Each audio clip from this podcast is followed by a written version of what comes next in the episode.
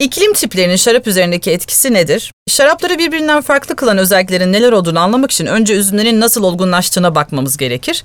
İklimin üzümün olgunlaşmasında çok önemli bir rolü vardır. Tabii ki sadece iklimin değil, aynı zamanda o yılın hava şartlarının ama öncelikle bir iklime bakmak lazım. Her şey yolunda gittiğinde yani normal gittiğinde nasıl oluyor ona bakmak lazım. Diğer meyvelerde olduğu gibi üzümün de olgunlaşması için yeterince güneş ışığı almış olması önemlidir. Çünkü malum yeşil yapraklı bir bitki ve fotosentez yaparak bu besini oluşturuyor. Eğer üzüm yeterince güneş ışığı alırsa meyvenin içindeki asitler şekere dönüşür ve kabukları olgunlaşır.